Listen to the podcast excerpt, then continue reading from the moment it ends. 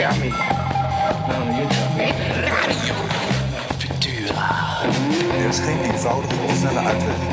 Maar deze is zeer moeilijk. How dare you? Our military has to be strengthened. how dare you? De theaterbeleving is op deze manier gewoon ongelooflijk moeilijk. Alexander Lukashenko has been described as Europe's last dictator.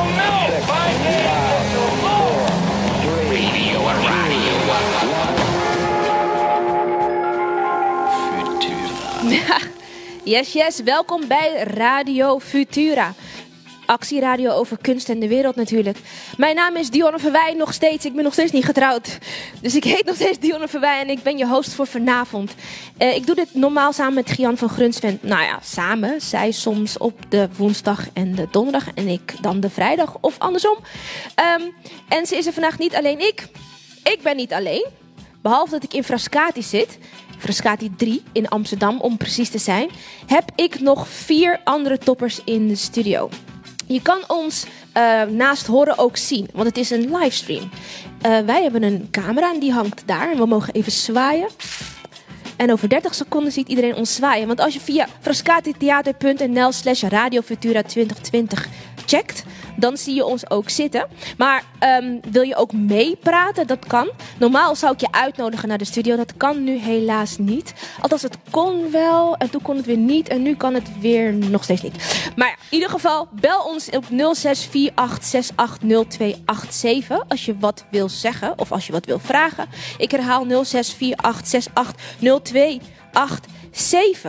Ehm ja, waar gaan we het vandaag over hebben? Eh, de term femicide. Althans, naar aanleiding van een artikel op eh, One World van Hasna Al Maroudi en Joyce Brekelmans. Het ging over femicide. En het heeft me gepakt vanaf het moment dat ik de kop las. Waarom? Omdat ik ergens al dacht: goh, hoezo vinden wij moord op vrouwen door mannen in deze wereld, zal ik het zeggen, ja, vrij normaal. Dus wij kijken er niet meer van op. En wij vinden het niet meer gruwelijk. Of wij hebben een soort norm gekweekt met z'n allen. Waarin we niet meer opkijken wanneer een man een vrouw vermoordt omdat het een vrouw is. En dan zou je zeggen, nou Dionne, wat boeit het je nou? Nou, ik kom het ook in kunst tegen. En ook in kunst en kijken naar theater, want ik ben zelf ook een theatermaker. Kan ik me herinneren dat ik in een voorstelling zit en dat er een vrouw wordt vermoord of gruwelijk wordt verkracht. En dat ik denk, oh goh, wauw, interessante scène. En ik ben mezelf meteen aan het remmen. Want ik ben een vrouw, ik weet wat het, wat het is om geweld te voelen als vrouw, omdat ik een vrouw ben. Waarom zit dit zo in mijn norm? En hoe vertaal dit naar kunst en eh, met name naar theater. Dus ik heb een aantal mensen uitgenodigd, want ik wil het hierover hebben. En natuurlijk moet je een van de schrijvers uitnodigen. En die heb ik ook hier tegenover mij zitten. Haar naam is Joyce Brekelmans. Hoi Joyce. Hi, goedenavond. Hi, goedenavond. Ehm, ik ga ook meteen vertellen wie ik eh, naast mij heb zitten. Dan ga ik het goed zeggen. Ik begin, nee, ik begin bij dokter Kautar Darmoni. En ik zeg dokter, omdat het ook een dokter is. Ze heeft er hard voor gewerkt, heeft ze me zojuist verteld. Dus ik blijf het standvastig zeggen. Goedenavond, Koud, dokter Kautar Darmoni. Bonsoir. Bonsoir. En ehm Dr. Kautar Darmoni is directeur van Atria. Het is een kennisinstituut voor emancipatie en vrouwengeschiedenis. Jou moeten we sowieso hebben. Want ik ben heel erg benieuwd naar jouw kennis en kunnen. En eh, aan mijn linkerkant heb je Stefan Liepman. Hoi Stefan. Hallo. Jij bent nu regisseur. Ja, Terwijl wij zijn in hetzelfde jaar afgestudeerd. als acteur. Als acteur, jij als acteur, ik als mimer. Ja, Ook in 2012. ja. En je bent toen Later heb ik eh, een verkort traject eh, aan de regieopleiding. Oh joh, je hebt niet vier jaar lang nog... eh, Niet vier jaar, Nee. drie jaar. Oh, nou, Dat was scheelt toch? het scheelt een jaar collegegeld. Ja, dat is flink tegenwoordig. Zeker als het een tweede studie is. Dus, Absoluut, kan ik me voorstellen. Ja. Een dikke hap. Maar wel dapper dat je weer naar school ging. Ja, dat was. eh, viel inderdaad niet mee, die eerste. Nee, dat kan ik me voorstellen. Het is veel te lang. En eh, wie ik ook nog in de uitzending heb, eh, ze is niet in de studio. Ze is ergens aan de andere kant van de oceaan. Het is mijn lieve vriendinnetje, mijn zus en mijn collega en mijn vertrouwenspersoon en mijn go-to person als het gaat over black culture. Maar ook gewoon een relatie. Oké, whatever. Haar naam is Ira Kip. Hoi Ira. Hoi zus. Hi. Jij bent, waar ben Hi. jij? Ik zit nu in New York. Je bent in New York. Weer. Je Yes. bent terug. Want dit is eigenlijk je thuis. Dat is je thuis, ja. Ja. En Ira, je bent theatermaker, toch? Als, als ik je zou moeten voorstellen, zeg maar los van een privélijntje wat we hebben, dan... Wat zeg je dan zelf? Theatermaker. Ja, theater. Zeker, ja. Ja. Mhm. Maar ook best wel allrounder, toch? Je bent ook best wel... Ja, allround creative, creative director, bedenker van ideeën. En schrijver. En je schrijft ook nog eens. Ja. Ja, en Ira is eh, de helft van een tweeling. Yes. Ook Ira belangrijk, gewoon om te weten. Ja, zeker. Ja. En eh, kom je nog terug? Of, eh?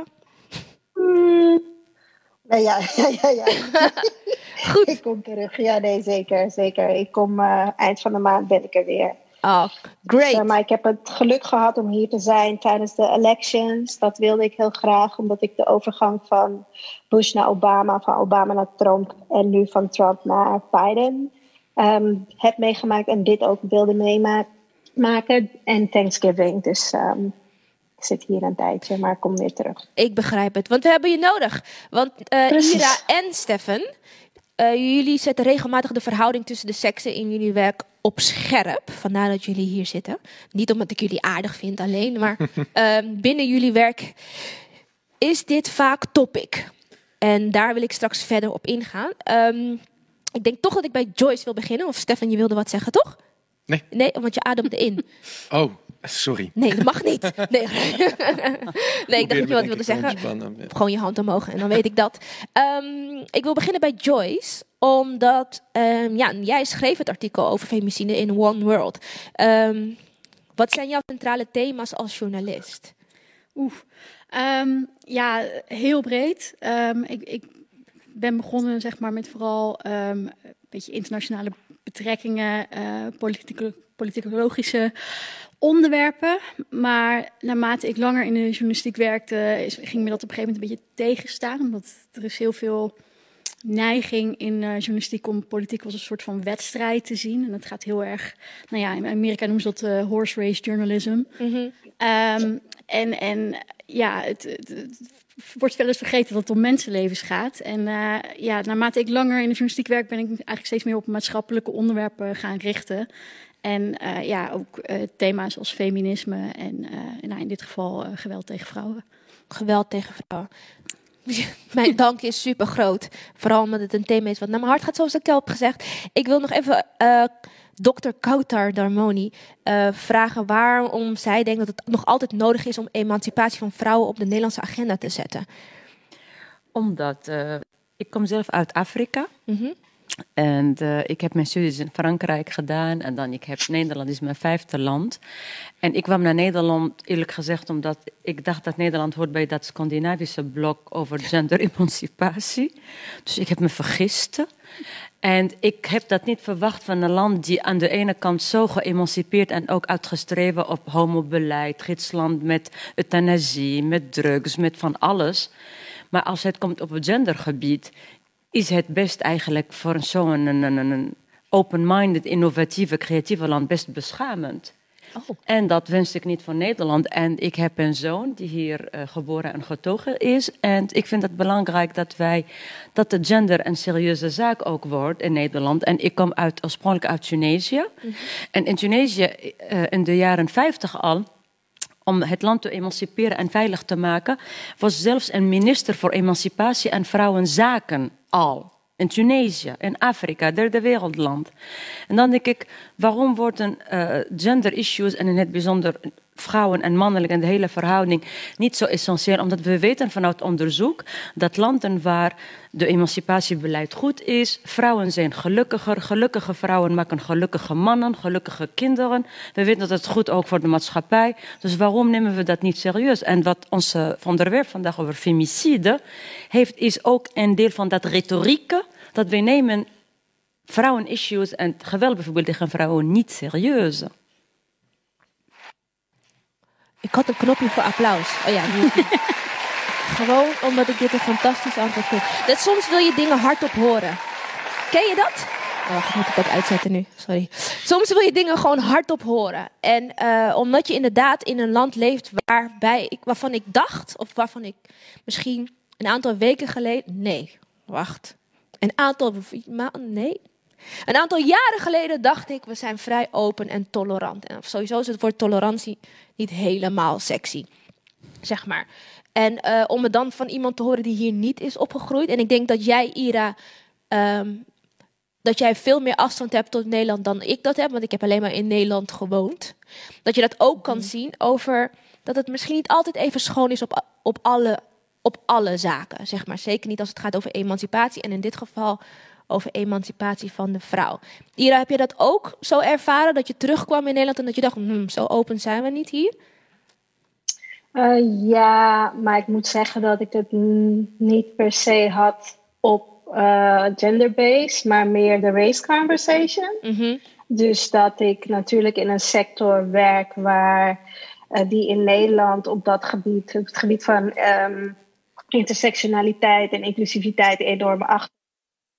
Dat is iets waar ik me, waar ik vooral van schrok toen ik, na, nadat ik 14 jaar lang in New York had gezeten en weer uh, aankwam in Nederland en ook weer werkzaam was in Nederland, was het meer dat. Ja. En het genderdiscussie, dat is, was ook nog niet echt van discussie. Dus dat is iets waar, waarvan ik zelf merk dat dat pas iets is van de laatste drie jaar of zo, waar we, dat we het er echt over hebben. Ja, precies. Want uh, ik kom straks terug op jou, uh, dokter Kouter. Darmoni. We gaan eventjes uh, door met uh, Taming of the Shrew van Shakespeare. Hmm, meest vrouwonvriendelijk stuk ooit, als je het mij vraagt. En jij hebt het even anders aangepakt, Ira. Ja. Kan je de luisteraars vertellen hoe je dat hebt gedaan? Ja, voor mij ook bij dit stuk ging het niet per se over de misogynistic aspect van het stuk, maar meer hoe kan je uh, ik wilde uh, marriage equality binnen de LGBTQ community ondervragen en de vraag stellen: wat win je wanneer je onderdeel wordt van een systeem of een instituut? En in dit geval de Institution of Marriage. En dat was naar aanleiding van Obama, die in 2015 de wet tekende. Um, en natuurlijk ontkom je er niet aan om als je met Taming op de Shoe aan de slag gaat, dat je uh, duikt in genderrollen, genderidentiteit. Dus dat is zeker iets wat uh, in ons proces mee heeft gespeeld. Um, en wat er ook voor heeft gezorgd dat er bij mij zelf ook een bepaalde bewustwording ontstond. Dus het, het, uh, het onderdeel worden van een systeem of een instituut. Die vraag die was in het begin heel erg aanwezig. Vervolgens gingen we het heel erg hebben over de genderrollen. En vervolgens komt dat dan samen. Hoe werken die genderrollen dan binnen deze instituten en, en systemen? En hoe, hoe gaan we daarmee om? Of moeten we onze eigen instituten, uh, uh, ja, plekken vinden? Als ik ook even mijn taal mag decoloniseren, dan zou ik niet instituten willen zeggen, maar huizen wat veilige plekken zijn voor mensen van alle genders.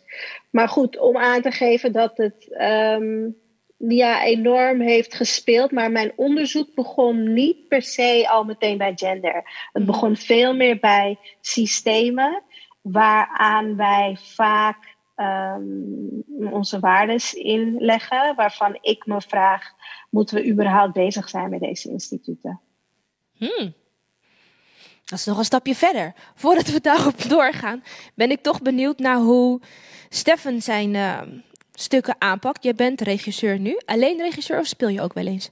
Uh, ik speel alleen nog heel af en toe uh, een klein rolletje voor televisie, als het zo uitkomt. Geniet je daarvan? Eigenlijk Hm? Je trekt een pijnlijk gezicht. Ja, niet, niet per se. Het is ook vaak echt heel minimaal, maar het is wel handig eh, qua inkomsten. Ik eh, hoor dus dat jij eh, binnen jouw werk, ehm, ik quoteer ook, wacht even, Stefan Liebman oogst regelmatig controverse met zijn regies omdat hij de oorlog tussen de seksen op scherp stelt. Waarom zijn juist vaak mannen boos over het werk van Stefan? Werd hij gevraagd. Poeh, ja, ik heb op de, weg, op de weg hierheen ook over zitten nadenken. Het is eigenlijk meer iets wat me een beetje is overkomen. Eh, en waar ik me later in ben gaan verdiepen. Omdat dus, dus je hebt aan de ene kant dan de representatie van wat ik neerzet op toneel. En dan heb je nog wat ik zelf als maker representeer. En zeker als je zelf een stuk bewerkt of, of schrijft, dan, eh, dan wordt dat soms eh, ingewikkeld. Bijvoorbeeld, ik moest door het geweld over vrouwen ineens denken. Een, een, een- voorstelling die ik op de MIM-opleiding heb gemaakt bij het startproject. toen had ik eigenlijk, wilde ik, om dit ook verder te bevragen, eh, werken aan de hand van een boek van Elfriede Jelinek. Die het geweld van eh, mannen tegen vrouwen en het geweld van vrouwen tegen vrouwen centraal heeft in dat boek. Eh, en en dat, dat zorgt voor een soort verrangen. Ze pakt het op een redelijk humoristische manier aan. En het gekke was dat ook daar was dan de, de meest boze persoon die ik heb gesproken was een man. En ik denk dat het komt omdat hij denkt dat ik dat geweld tegen die vrouwen graag Zag. wilde neerzetten. Ja. Terwijl ik wilde het bevragen als zijnde, dit is de stem van een schrijfster en ik wil het op toneel zetten en ik wil het daar met de studenten over hebben en kijken hoe je dat dan wel of niet kan tonen of bevragen. Maar ik, ik heb het in die zin niet verzonnen dat dat geweld er was. Maar er was ook heel veel geweld van vrouwen tegen vrouwen. Ja. Maar vooral het geweld van mannen tegen vrouwen stuitte dan de mannelijke eh, Bezoeker? bezoeker in dit geval dan tegen de borst, omdat hij het idee had dat ik dat graag. Of dat, dus er zit, zit een soort rare verdubbeling omdat ik een man ben. Ten opzichte van wat ik wel of niet kan laten zien of kan bevragen. En dat, kom ik denk, dat is volgens mij waarom ik vaak juist van mannen een ingewikkelde reactie oogst. Ja. Omdat ik het een beetje in het midden laat of ik er zelf, of dit mijn idee is of misschien het idee van iemand anders. Ik leg het niet per se uit en het is dan interessant om te zien hoe mensen zich daartoe verhouden. Ja. Want dan kan ik het bevragen. Zou je denken dat als ze niet wisten dat jij een man was, dat ze er anders op zouden reageren? Ik weet het zeker. Of kunnen zij zien dat het geregisseerd is door een man? Nee, ik denk dat, ik denk dat ze. dit- het- je kan het bijna niet meer loskoppelen tegenwoordig, Nee. sowieso, eh, denk ik. Dat is iets waar ik als, als eh, maker natuurlijk sowieso tegen aanstuit. Nee. Ehm, of tegen aanloop, pardon. Ehm, dus ja, dat Ja. is iets waar ik zelf ook va- vaak van schrik. Omdat ik dan dus ineens reacties krijg. En dan krijg ik zulke verschillende reacties tussen eh, vrouwelijk publiek vaak en mannelijk publiek. Eh, en eh, ja, dus dat, dat, ik, ik ben er ook nog niet helemaal uit waar het hem precies in zit. Het is ook een soort onderzoek wat ik dan op mijn manier probeer door te blijven voeren. Ik heb hetzelfde als ik het geweld van vrouwen naar vrouwen. Kreeg ik zoveel weerstand en kritiek en, en, en, en agressie bijna van vrouwen. Zelfs in de onderzoekerswereld. Die zeggen tegen dat is onzin. Omdat ik zei bij Atria, we, we zijn gespecialiseerd onder andere in toxic masculinity en geweld van mannen naar vrouwen toe. Maar het is ook belangrijk om te adresseren hoe vrouwen geweld ook of gewoon negatief naar andere vrouwen toe. Dat violence ook, psychologieke. Ik ben opgegroeid in een islamitische land waar mannen en vrouwen zijn onder elkaar. En een van de mooiste kanten en een voordeel van en nadeel van dat seksuele segregatie is dat vrouwelijke wereld onder elkaar waar je hebt heel veel solidariteit en intimiteit en plezier en dans en geweldig. Maar ook waar je, je ziet ook heel duidelijk, omdat de mannen afwezig zijn, zoveel geweld en verschrikkelijke dingen wat vrouwen ook onder elkaar doen. En ze zijn niet beter dan de mannen. Maar dan het wordt tegen mij gezegd, letterlijk ook door onderzoekers en academici, nee, jullie mogen dat niet, omdat als je dat doet, dan gaan de mannen dat tegen de vrouwen gebruiken. En dan soort van, je bent alsof jij verraadster bent, omdat je moet over van de geweld van de mannen naar de vrouwen toe, maar niet naar vrouwen naar vrouwen. Dus dan wordt het ook zoals jij als man, die gaat over mannen die dat doen. Dat wordt niet geaccepteerd, omdat alsof je verraadt jouw eigen genre of gender. En er wordt heel heftig op gereageerd. Heel heftig. Maar het, de- jullie hebben het nu over de kunsten en over onderzoek. En ik vind het heel grappig hoeveel overlap daarin zit in die heftige reacties. Want wij merkten dat ook. Dit stuk werd heel veel gedeeld. Ook op eh, plekken waar ik het niet had verwacht. Op LinkedIn bijvoorbeeld werd het heel veel gedeeld. En ehm, een hele heftige reactie en een hele eh, gemeen, veel gedeelde reactie was ongeloof en ontkenning. En eh, gewoon, weet je wel, CBS-cijfers, nou, dat is allemaal onzin, dat is allemaal overdreven en het is niet waar.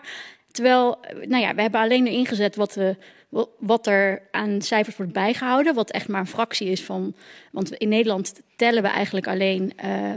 Nou ja, femicide door een ex-partner of een partner. Want femicide betekent eigenlijk eh, de moord van mannen op vrouwen omdat ze vrouwen zijn. Dus het gaat echt over man op vrouw. Ja, Ja. maar het is, het is veel breder dan dat. Ehm, mannen die hun moeder ombrengen. ehm, we noemen het in Nederland heel eufemistisch eh, familiedrama's. eh, dus die ook hun, hun kinderen, ehm, maar ook moord op transvrouwen, moord op prostituees, lustmoorden, verdwijningen van, van vrouwen en meisjes. In principe is dat volgens mij in de breedte de definitie van femicide, omdat het heel erg samenhangt met nou ja, patriarchie en, en eh, het beeld en de verwachting van vrouwen aan vrouwen door mannen, zeg maar. En is het ook, want je hoort vaak eh, de term macho-cultuur dan ook weer voorbij komen als we het hebben over femicide. Heeft het een, heeft het een macho-cultuur nodig? Nou ja, dat, dat, dat was eigenlijk de aanleiding voor, eh, voor ons om dit stuk te schrijven.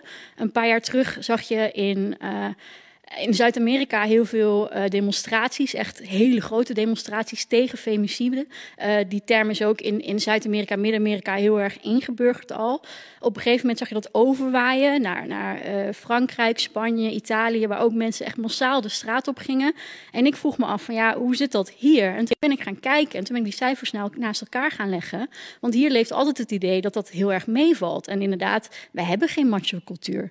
Maar per hoofd van de bevolking eh, doen wij het slechter dan Frankrijk. En, of nee, in 2018 slechter dan Frankrijk. Daar is het ook heel extreem. Daar wordt om de drie dagen eh sterft een vrouw aan de handen van een man. Ehm, maar in verhouding met eh, Spanje en Italië bijvoorbeeld... doen we het in, in alle jaren eh, slechter.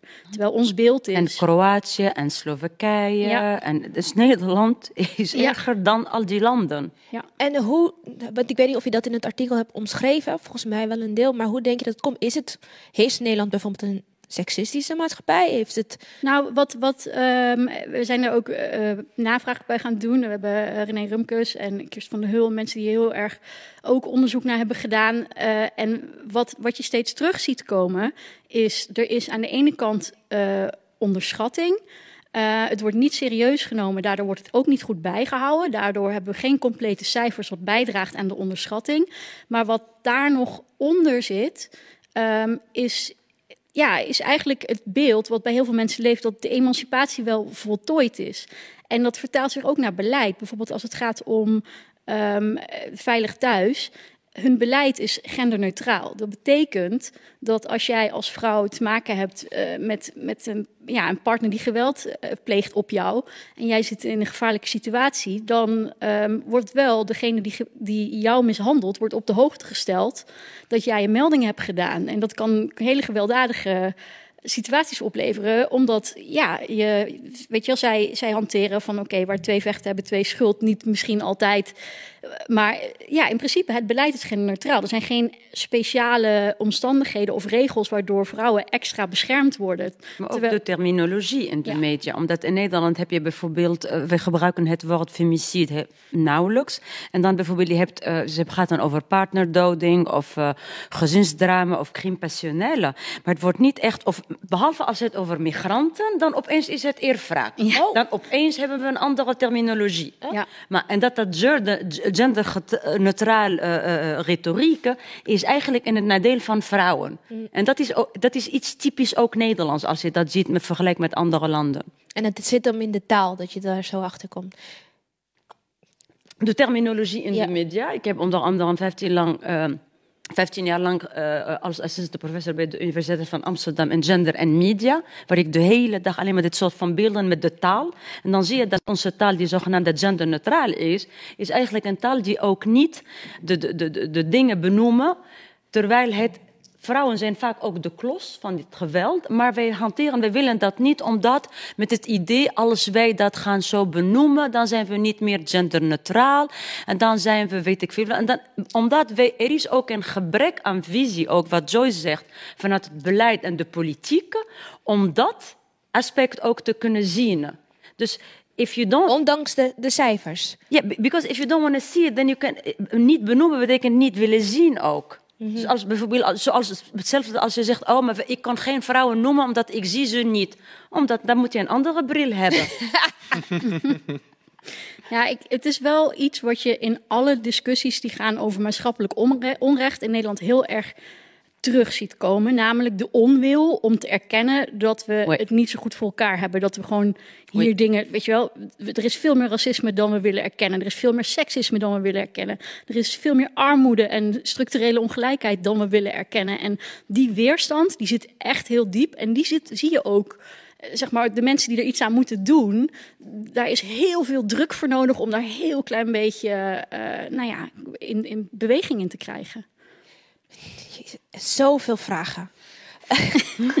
Echt ongelooflijk. Ehm, Stefan, hoe, waar is die liefde of die fascinatie voor dit thema bij jou een beetje begonnen? Of? Eh, het, is me, nou ja, het, gebeurde eigenlijk met mijn afstudeervoorstelling, waar ik eigenlijk dus als onschuldige, laat ik zeggen, eh, niet, nog niet op dit specifieke onderwerp, laat ik zeggen, super woke of iets in die richting.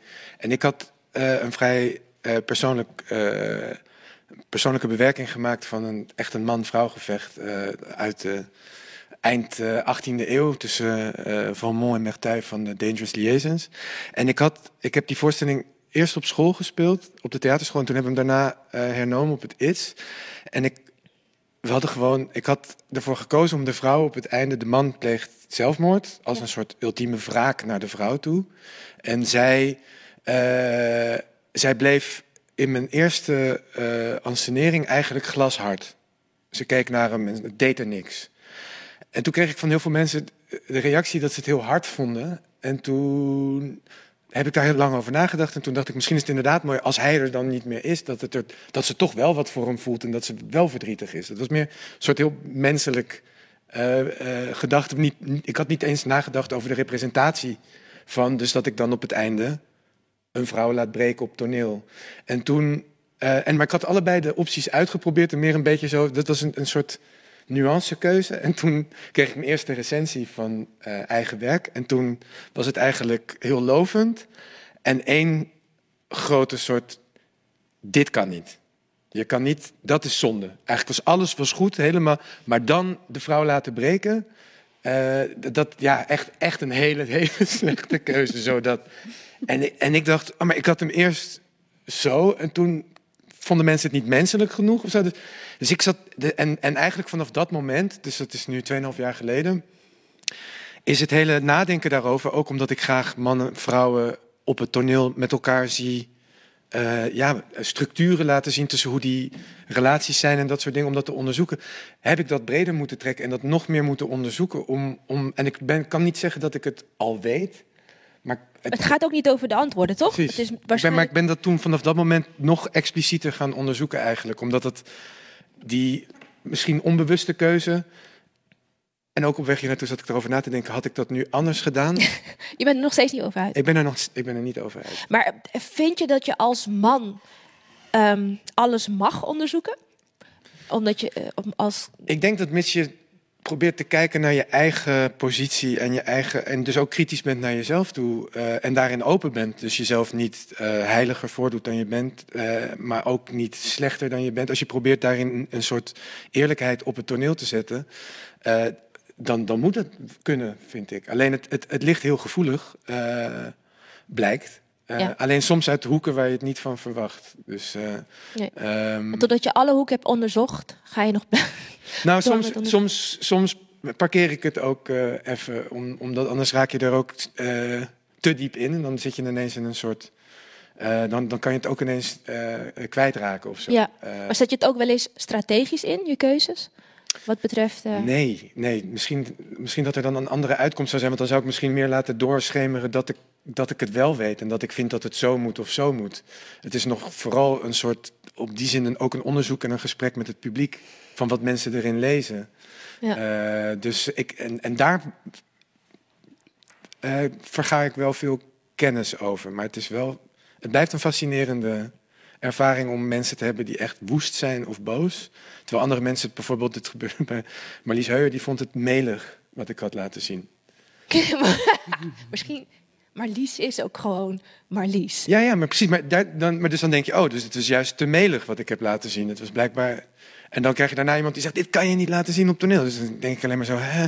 En dat, gaat, dat toont een beetje aan hoe lastig het is voor een toeschouwer om, om omdat iedereen heeft daar zo'n persoonlijke ervaring over wat daar wel en daarom is het heel goed dat dit soort gesprekken er zijn omdat mensen hebben het vaak niet door. Ja, tuurlijk. Ehm. want het is een soort oer. eh, Het zit heel diep. Het begint al van, eh, vanaf Disney, zeg maar. ja, absoluut. Dat, dat En die echt- genderrollen ook. Ja, Ja. Dat we zien vaak ook femicide is heel erg eh, eh, gekoppeld aan genderrollen. Dus bijvoorbeeld vanuit onderzoek. We hebben een programma binnen Atria, die heet Act for Respect. Wij doen dat samen met Rutgers over gen- gender-based violence. Ook seksualiteit. En dan zien we bijvoorbeeld dat eh femicide of gender-based violence is meer bij bepaalde groeperingen. Bijvoorbeeld eh, mannen die genderstereotype opvattingen hebben. Bijvoorbeeld mannen zijn stoer, vrouwen zijn zorgzaam. Of eh, bijvoorbeeld eh, vrouwen zijn eerder slachtoffer van eh, gender-based violence als zij ook die klassieke rollen hanteren van zij moeten zorgzaam of zij moeten de man volgen, et cetera. Of bijvoorbeeld een andere groep die mannen eh, die zeg maar superieur waarden naar heteroseksuele mannen. Dus zij zijn, hebben ook meer eh, geweld ook voor gender-based violence tegen vrouwen en transgenders, et cetera, dan eh, de rest. Ook eh, bijvoorbeeld mannen die zich heel snel in hun mannelijkheid gekrenkt voelen. Ook. Dat zie je ook vaak bij een femicide. Heel duidelijk. Dus die, die patronen zie je. En dan om wat Joyce zegt, in terms van beleid en de overheid, er is ook niet genoeg gender-sensitive. Dat is ook trouwens een van de streven van Atria. We willen heel graag genderpakket eh, eh, onderwijs ontwikkelen voor basis, basisonderwijs. Om daar, daar begint dat al. Als je vanaf mensen vanaf heel jongs af een onderwijs gendersensitief maakt, kan je dit hele ellende voorkomen, preventief. In plaats van, we zitten altijd achter de feiten. Dus wat Joyce ook zegt, dat beleid en vanuit de politiek, er is een bepaalde gebrek aan visie daarover. En dan uiteindelijk zijn de vrouwen, maar ook heel veel mannen, de dupe ervan. Ja. En, en dat vind ik ook in Nederland. Denk ik, het is een geëmancipeerde, een van de rijkste landen ter wereld. Dat is nog niet zo moeilijk. Het is it's just a, a choice. C'est un choix. C'est un choix politique qu'on doit faire. Ja. Ik, Ira, dankjewel. Ja. Ehm, ik moet ineens denken aan de, de eerste voorstelling die ik heb gezien. Als we het hebben over seksualiteit en vrouw op vrouw geweld. Volgens mij ehm, linkt het een, aan een paar dingen van de voorstelling She Baltimore. Of klopt dat niet? Ja. Ja, ja, ja. kan je daar wat over zeker. vertellen, alsjeblieft? Ja, in eh, 2011 ben ik naar Baltimore gegaan om een theatervoorstelling te maken over huiselijk geweld binnen de LGBTQ plus gemeenschap. En ehm, het was naar aanleiding van toen ik in New York kwam studeren. Toen vertelde een klasgenoot van mij dat een vriendin van haar eh, in een huiselijk geweldssituatie ehm, zat. En dat zij naar het ziekenhuis was gegaan. En dat zij gediscrimineerd werd. ehm, en dat er tegen haar werd gezegd: We weten niet wie, de, wie het slachtoffer is en wie de agressor is. Eh, want het zijn twee vrouwen. En eh, ik vond dat een interessant gegeven of trekpunt om dat eens te gaan onderzoeken, hoe dat in elkaar zit. En toen kwam ik tijdens mijn onderzoek erachter dat eh, huiselijk geweld in de LGBTQ-gemeenschap, specifiek in Baltimore, groter is dan in ehm ehm, eh, hetero-relaties.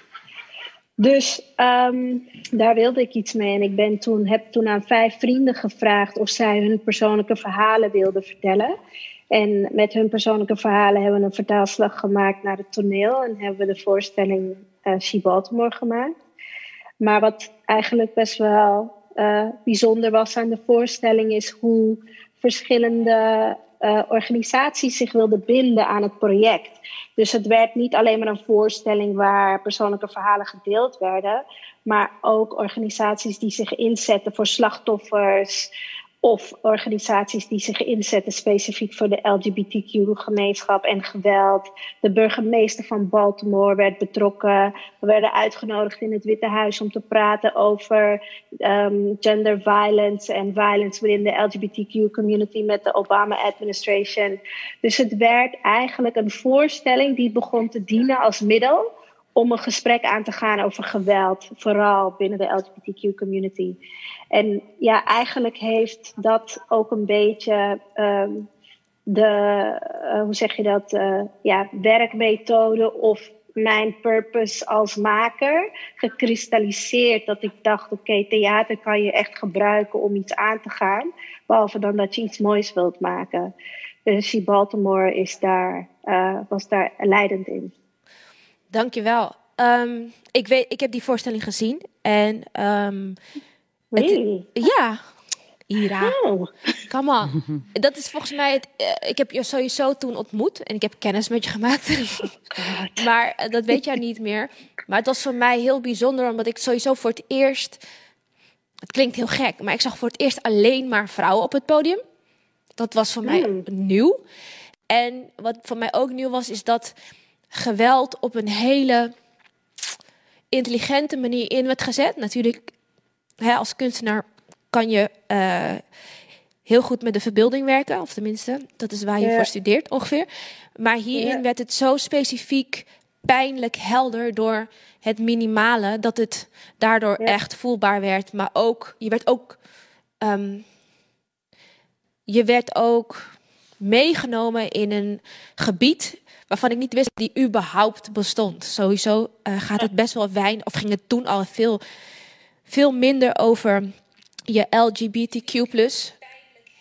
Ja. eh, gemeenschap. Eh, en laat staan over geweld. Dus het was een soort dubbelop thema, wat voor mij echt super nieuw was. En waar ik eh, veel uit mocht leren, maar daarna veel helemaal niks meer over hoorde. Dus dat had je dan ook weer. Dan heb je zo'n enkele voorstelling af en toe wat er dan Ja. over gaat en dan nooit meer. Dus het waren twee dingen. En ook wat ik van. Dr. Kautar hoor over, eh, eh, ehm, over geweld en de cijfers daarvan binnen eh, huishouden die bestaan uit twee vrouwen bijvoorbeeld. Dat zijn, ehm, eh, dat zijn niet de typische voorbeelden die we horen. Dus we- ik lees zo'n artikel over femicide in The One World. En dan krijg je nog een takje erbij. Heb je er ook ooit over nagedacht, Joyce, om hier wat eh, over te vertellen? Of had je zoiets van, let me just drop this bomb for me? Nou, um, dit- Dionne, dit- mag ik ook even reageren op wat je zegt? Oh, sorry, ja, tuurlijk. Eh, want je zegt eigenlijk iets heel belangrijks waar wij in het maakproces te maken mee kregen, is hoe bied je aftercare? Mm, Dus je laat iets zien op het toneel en we hebben heel veel discussies gehad over hoe laat je, laat je dan zien dat de ene vrouw de andere vrouw een, een, klap, een, de andere een klap geeft of niet. Daar hebben we heel veel over nagedacht. In de repetities hebben we ook echt vaak momenten gehad waarbij ik tegen bepaalde acteurs zei: geef me alleen 10% van deze monoloog, want ik weet als je de 100 gaat dat het, het triggert en dat alles weer naar boven komt. Maar ook voor het publiek die ernaar kijkt, en dat is ook wel een beetje wat met Schuller gebeurde, is hoe bied je ook aftercare? Dus hoe bied je ook op het moment dat je zulke kwetsbare thema's aangaat, in, aan de zaal, hoe ga je daarmee om met het publiek die daar in, middenin zit? Uh, je kan niet voorkomen dat het misschien bij mensen even losmaakt of triggert of noem maar op. Dus dat is ook iets waar ik als maker me eerst helemaal niet bewust van was. Dus Mm. dat is wel iets, en ik denk dat dat is ook een beetje wat Stefan zegt, in zijn proces van zijn voorstelling, is dat je je op een gegeven moment realiseert dat je kan, uh, uh, uh, dat je daar heel zorgvuldig mee om moet gaan. Ja, dankjewel man. Goed dat je dit nog zegt. Um, want ja, het, het, het, ik denk dat het niet bij mij op een manier heeft getriggerd dat ik er um, op vervelende gebieden last van had. Maar het heeft me wel getriggerd in de thematiek en in het bestaansrecht ervan. Want soms zijn hele pijnlijke onderwerpen, hebben, krijgen geen bestaansrecht. Omdat, mm -hmm. uh, nou, zoals je al vertelde, uh, men wil het niet horen.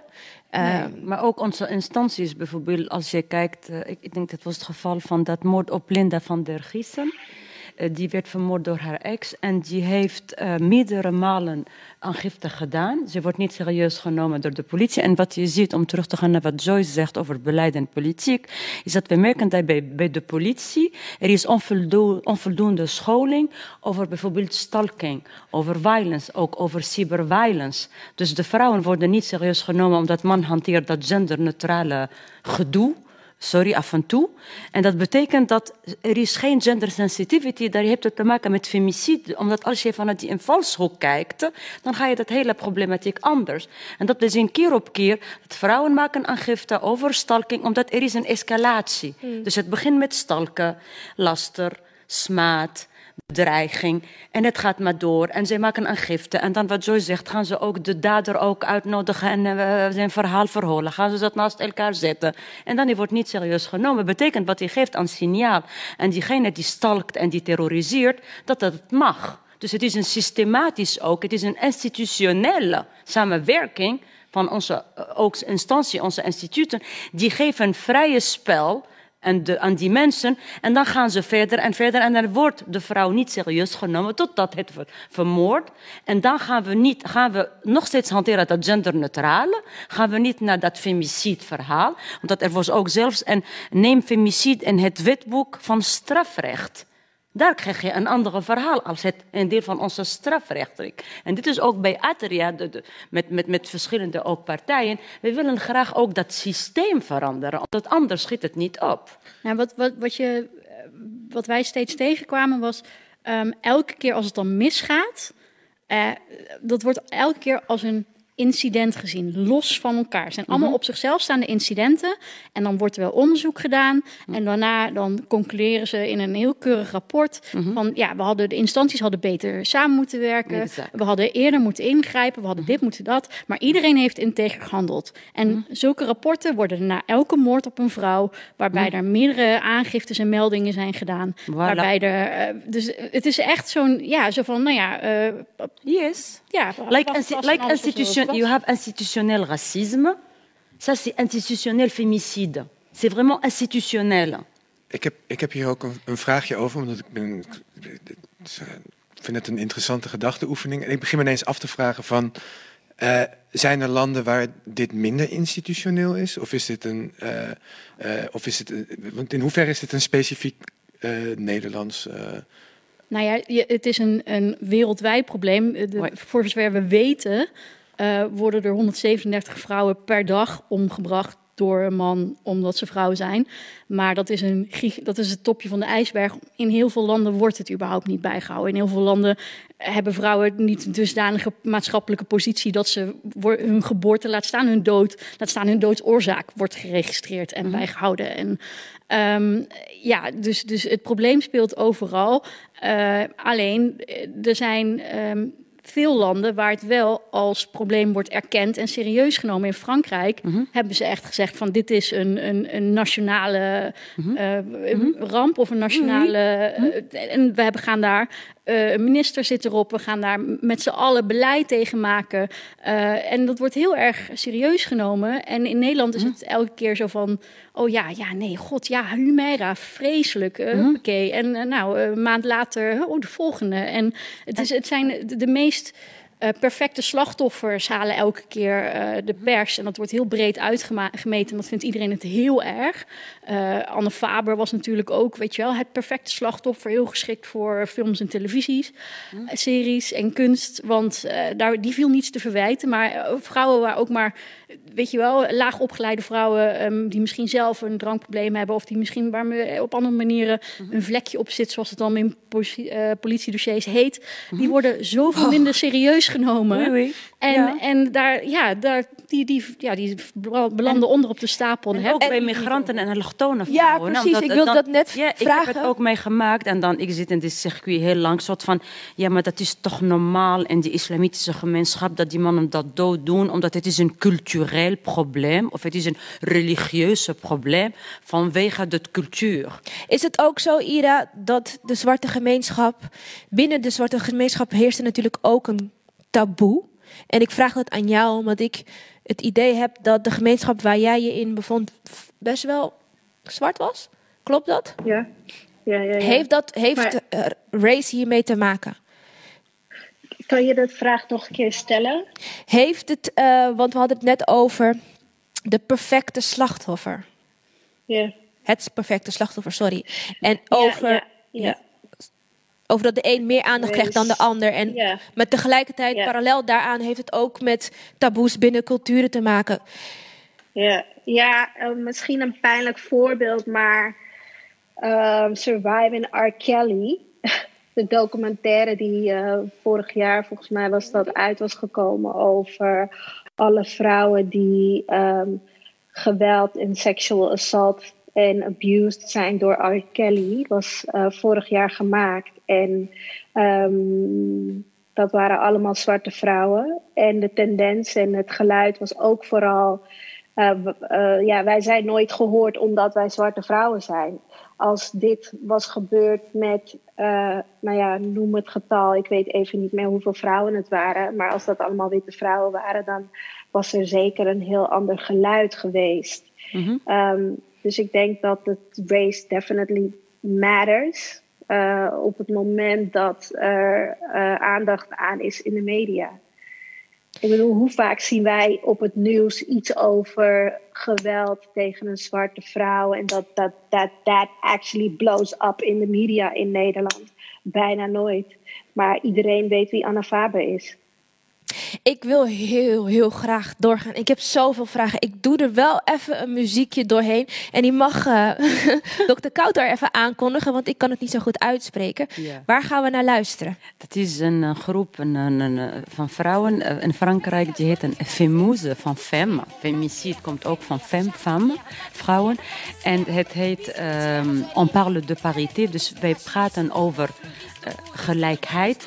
Maar eigenlijk, dus eigenlijk over het dag, dagelijkse leven van vrouwen die in allerlei beroepen en allerlei gebieden hun best doen, maar uiteindelijk worden ze slecht betaald, minder betaald, niet serieus genomen, mishandeld en noem maar op.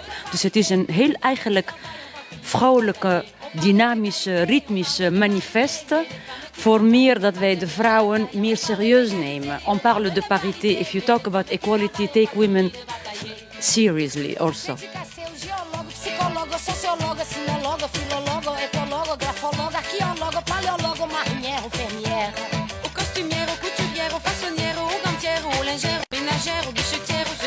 o aventurière, vas-y, continue la liste. Telefonista, machinista, economista, violonista, etalagista, paisagista, metalurgista, aquarelista, carreirista, e archivista, jornalista e modelista.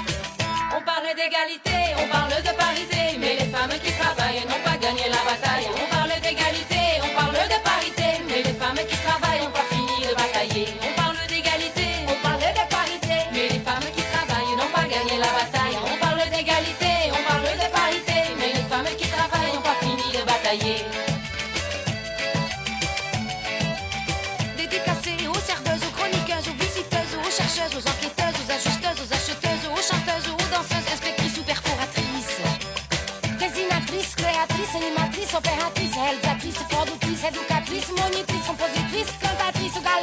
Magiciennes.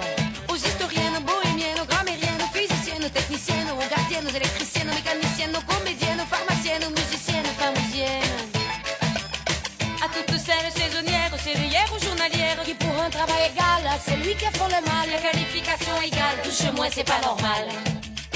On parle d'égalité, on parle de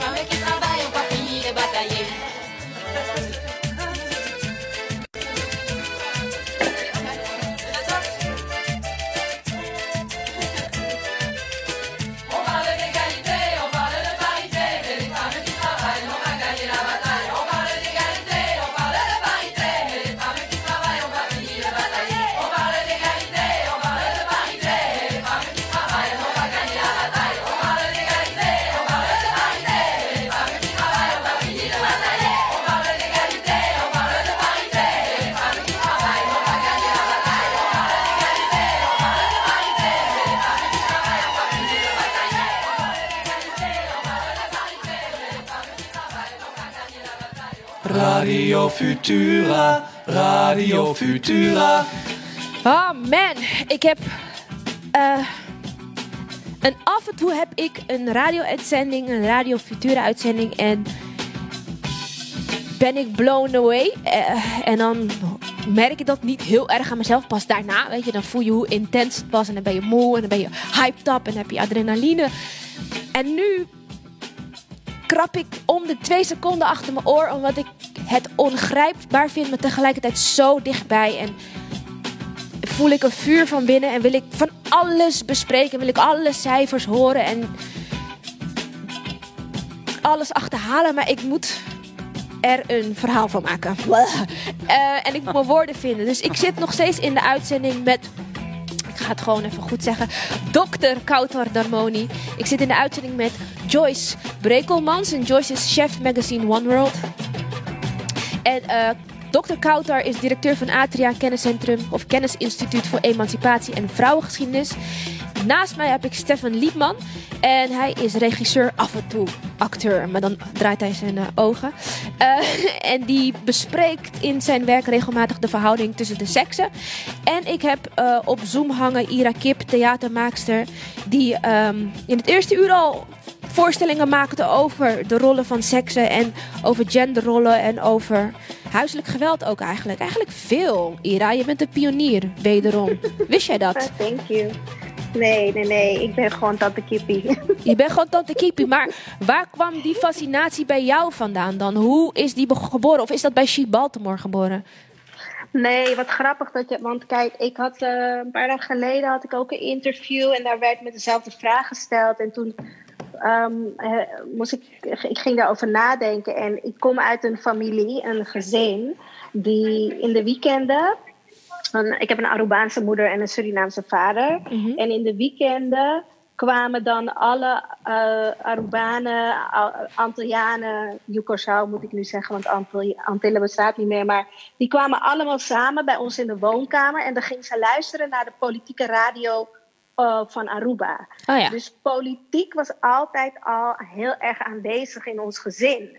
En ik heb eh, verschillende familieleden die ook werkten voor de United Nations. Dus we waren altijd al heel erg politically en socially engaged. That's kind of hoe ik ben opgegroeid. Ah, De- die, het is altijd al aanwezig geweest. Ja. dus je wist hoe jij hierover moest spreken nog voordat je kunst maakte eigenlijk. Nou, ik denk dat ik die taal eigenlijk pas begon, echt begon te beheersen na She Baltimore. Omdat ik toen ook echt mijn huiswerk echt moest gaan doen. Ik waarvan, zeg maar, oké, als ik dit soort thema's aanga, dan moet ik echt duiken in de materie en ook de geschiedenis. En goed weten waar ik het over wil hebben en hoe ik me verhoud tot alles. En ehm, ja, dat, heeft, die, dat huiswerk heeft me wel enorm geholpen om een bepaalde taal te vinden die nog altijd in ontwikkeling is en soms ook zoekende. Ja, zeker. Ik wil het hebben over representatie. Vooral als, we het gaan hebben, of als we gaan kijken naar onze kunstenaars. Oh boy. Ja, ja, representatie en impactmaking. Want je hebt eigenlijk al verteld hoe groot de impact was van jouw voorstelling She Baltimore. Eh, Ja. Dikke props daarvoor sowieso. Maar ook over representatie. Want we moeten samen kunnen analyseren op welke manier geweld tegen vrouwen genormaliseerd wordt. Maar als je een kunstenaar bent, dan schets je een deel van je eigen wereld naar keuze. Ehm, ik ga het even aan Stefan eerst vragen. Denk jij, je hebt het al net gezegd eigenlijk, dat je hierover nadenkt hoe je een vrouwenrol of een mannenrol neerzet? En wat impact dat kan hebben op de kijker en of dat ook een impact is die jij wil hebben op de wereld? Het zijn meerdere vragen. Kan je het volgen? Ja, zeker. Ja, eh, want ik. Ja. ehm, nou, ik heb. Na dat, het hele eerste verhaal wat ik net vertelde, heb ik daarna een voorstelling hier bij Frascati gemaakt. eh, die een beetje de. Die had de titel Hufter Proof, heette dat. Wat eigenlijk ging over: is de wereld wel bestand tegen eh, toxic masculinity? Hmm. Die op een bepaalde manier structureel. Dus ik liet, ik liet op een beetje een speelse, vervreemdende manier zien hoe, hoe die structuren werken en hoe normaal die zijn. Maar eigenlijk op een hele buitenkant manier, van, meer vanuit de media. En het waren een soort poppen. Eh, en, en ik bevroeg gewoon die structuren van. Ook om te laten zien. Dat was ook een reactie die ik op Jelinek had. Dat heel veel mensen denken dat we al, dat we heel ver voorbij de jaren 70 en de jaren 60 en de jaren, vooral ook de jaren 50, waarbij dat hele ideaal van de huisvrouw en dus ook het huiselijk geweld, laat ik zeggen, dat dat niet opviel, hè, want dat gebeurde binnen, binnenshuis.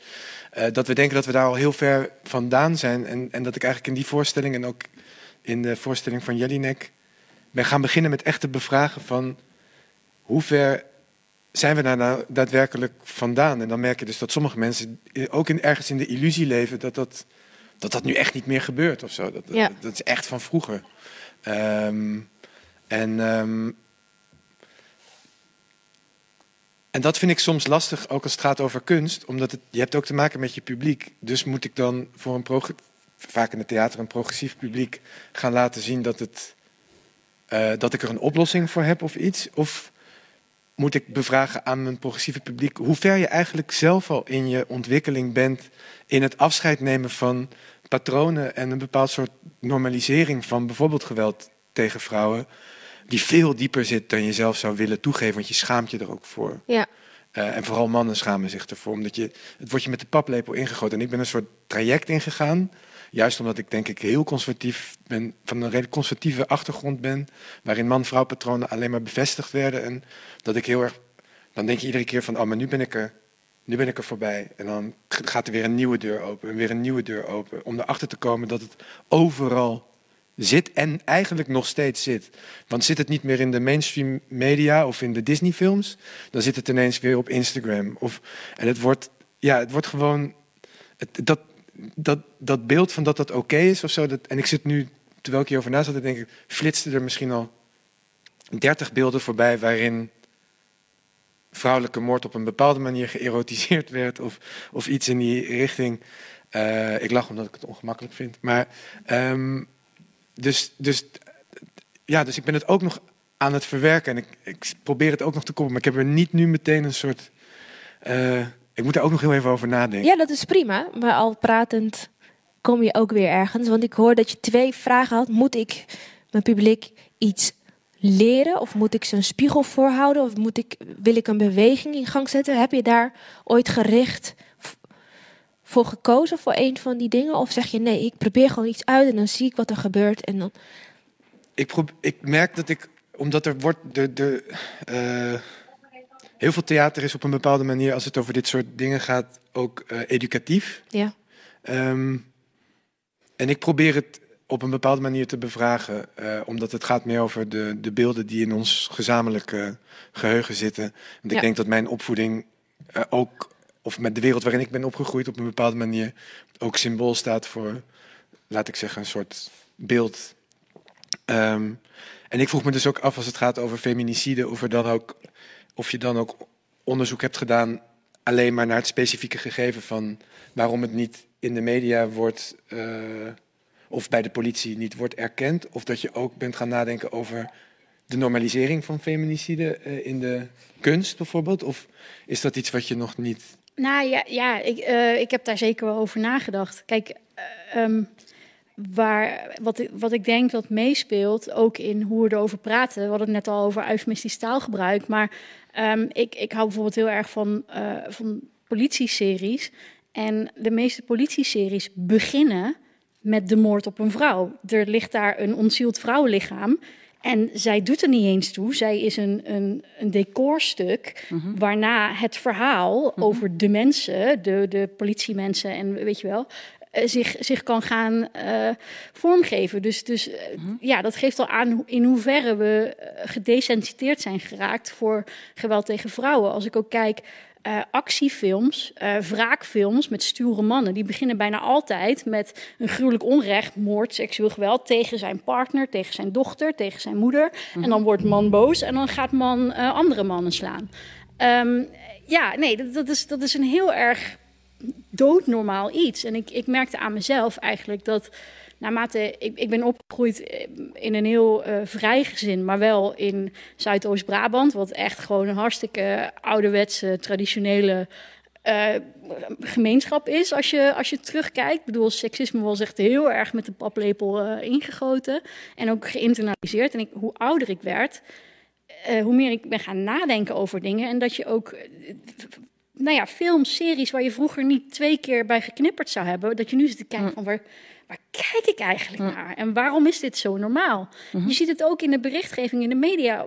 Ik kan me nog herinneren, een paar jaar terug, een man had zijn vrouw, eh, terwijl ze lag te slapen op de bank, doodgeslagen met een hamer of een bijl. Het was echt gruwelijk. En gewoon in de kop al stond van, hij had het gedaan, want ze had te veel geld uitgegeven met winkelen. Alsof dat, alsof dat ooit, zeg maar, een soort van reden of, of rechtvaardiging zou kunnen zijn voor. Wat, wat heeft dat ermee te maken? Waarom moet uit- ons uitgelegd worden waarom het in some way oké zou zijn wat die man heeft gedaan? Maar en, en die beelden, stel je voor dat kinderen kijken naar die beelden van het heel jongs af. Ik heb een discussie net gehad met Marie Ricardo van eh, COC daarover. En ze zei tegen mij, wat kunnen we doen met COC en met Atria om te beginnen met eh, gender-sensitive pakket en het basisonderwijs, zo ook dat die be- mediabeelden te leren ook analyseren en bekijken vanuit het genderperspectief, zodat, wij, zodat kinderen vanaf heel jongs af zich ook bewust worden met dat decodering van wat gebeurt. En hier speelt ook een kunst een enorme belangrijke rol, omdat als je gaat met kinderen die 6, 7, 18 jaar, de beste manier om dat aan hun uit te leggen is niet met cijfers of met, met, onderzoek, maar wel bijvoorbeeld met kunst, met theater. Waarom? Omdat zoals eh, Churchill zei in de Tweede Wereldoorlog toen, eh, het, wordt, het is een verhaal, dus we weten niet of dat waar is of niet, dat eh, minder subsidies voor kunst om de oorlog te financieren. En dan, hij zei, then what would be fighting for?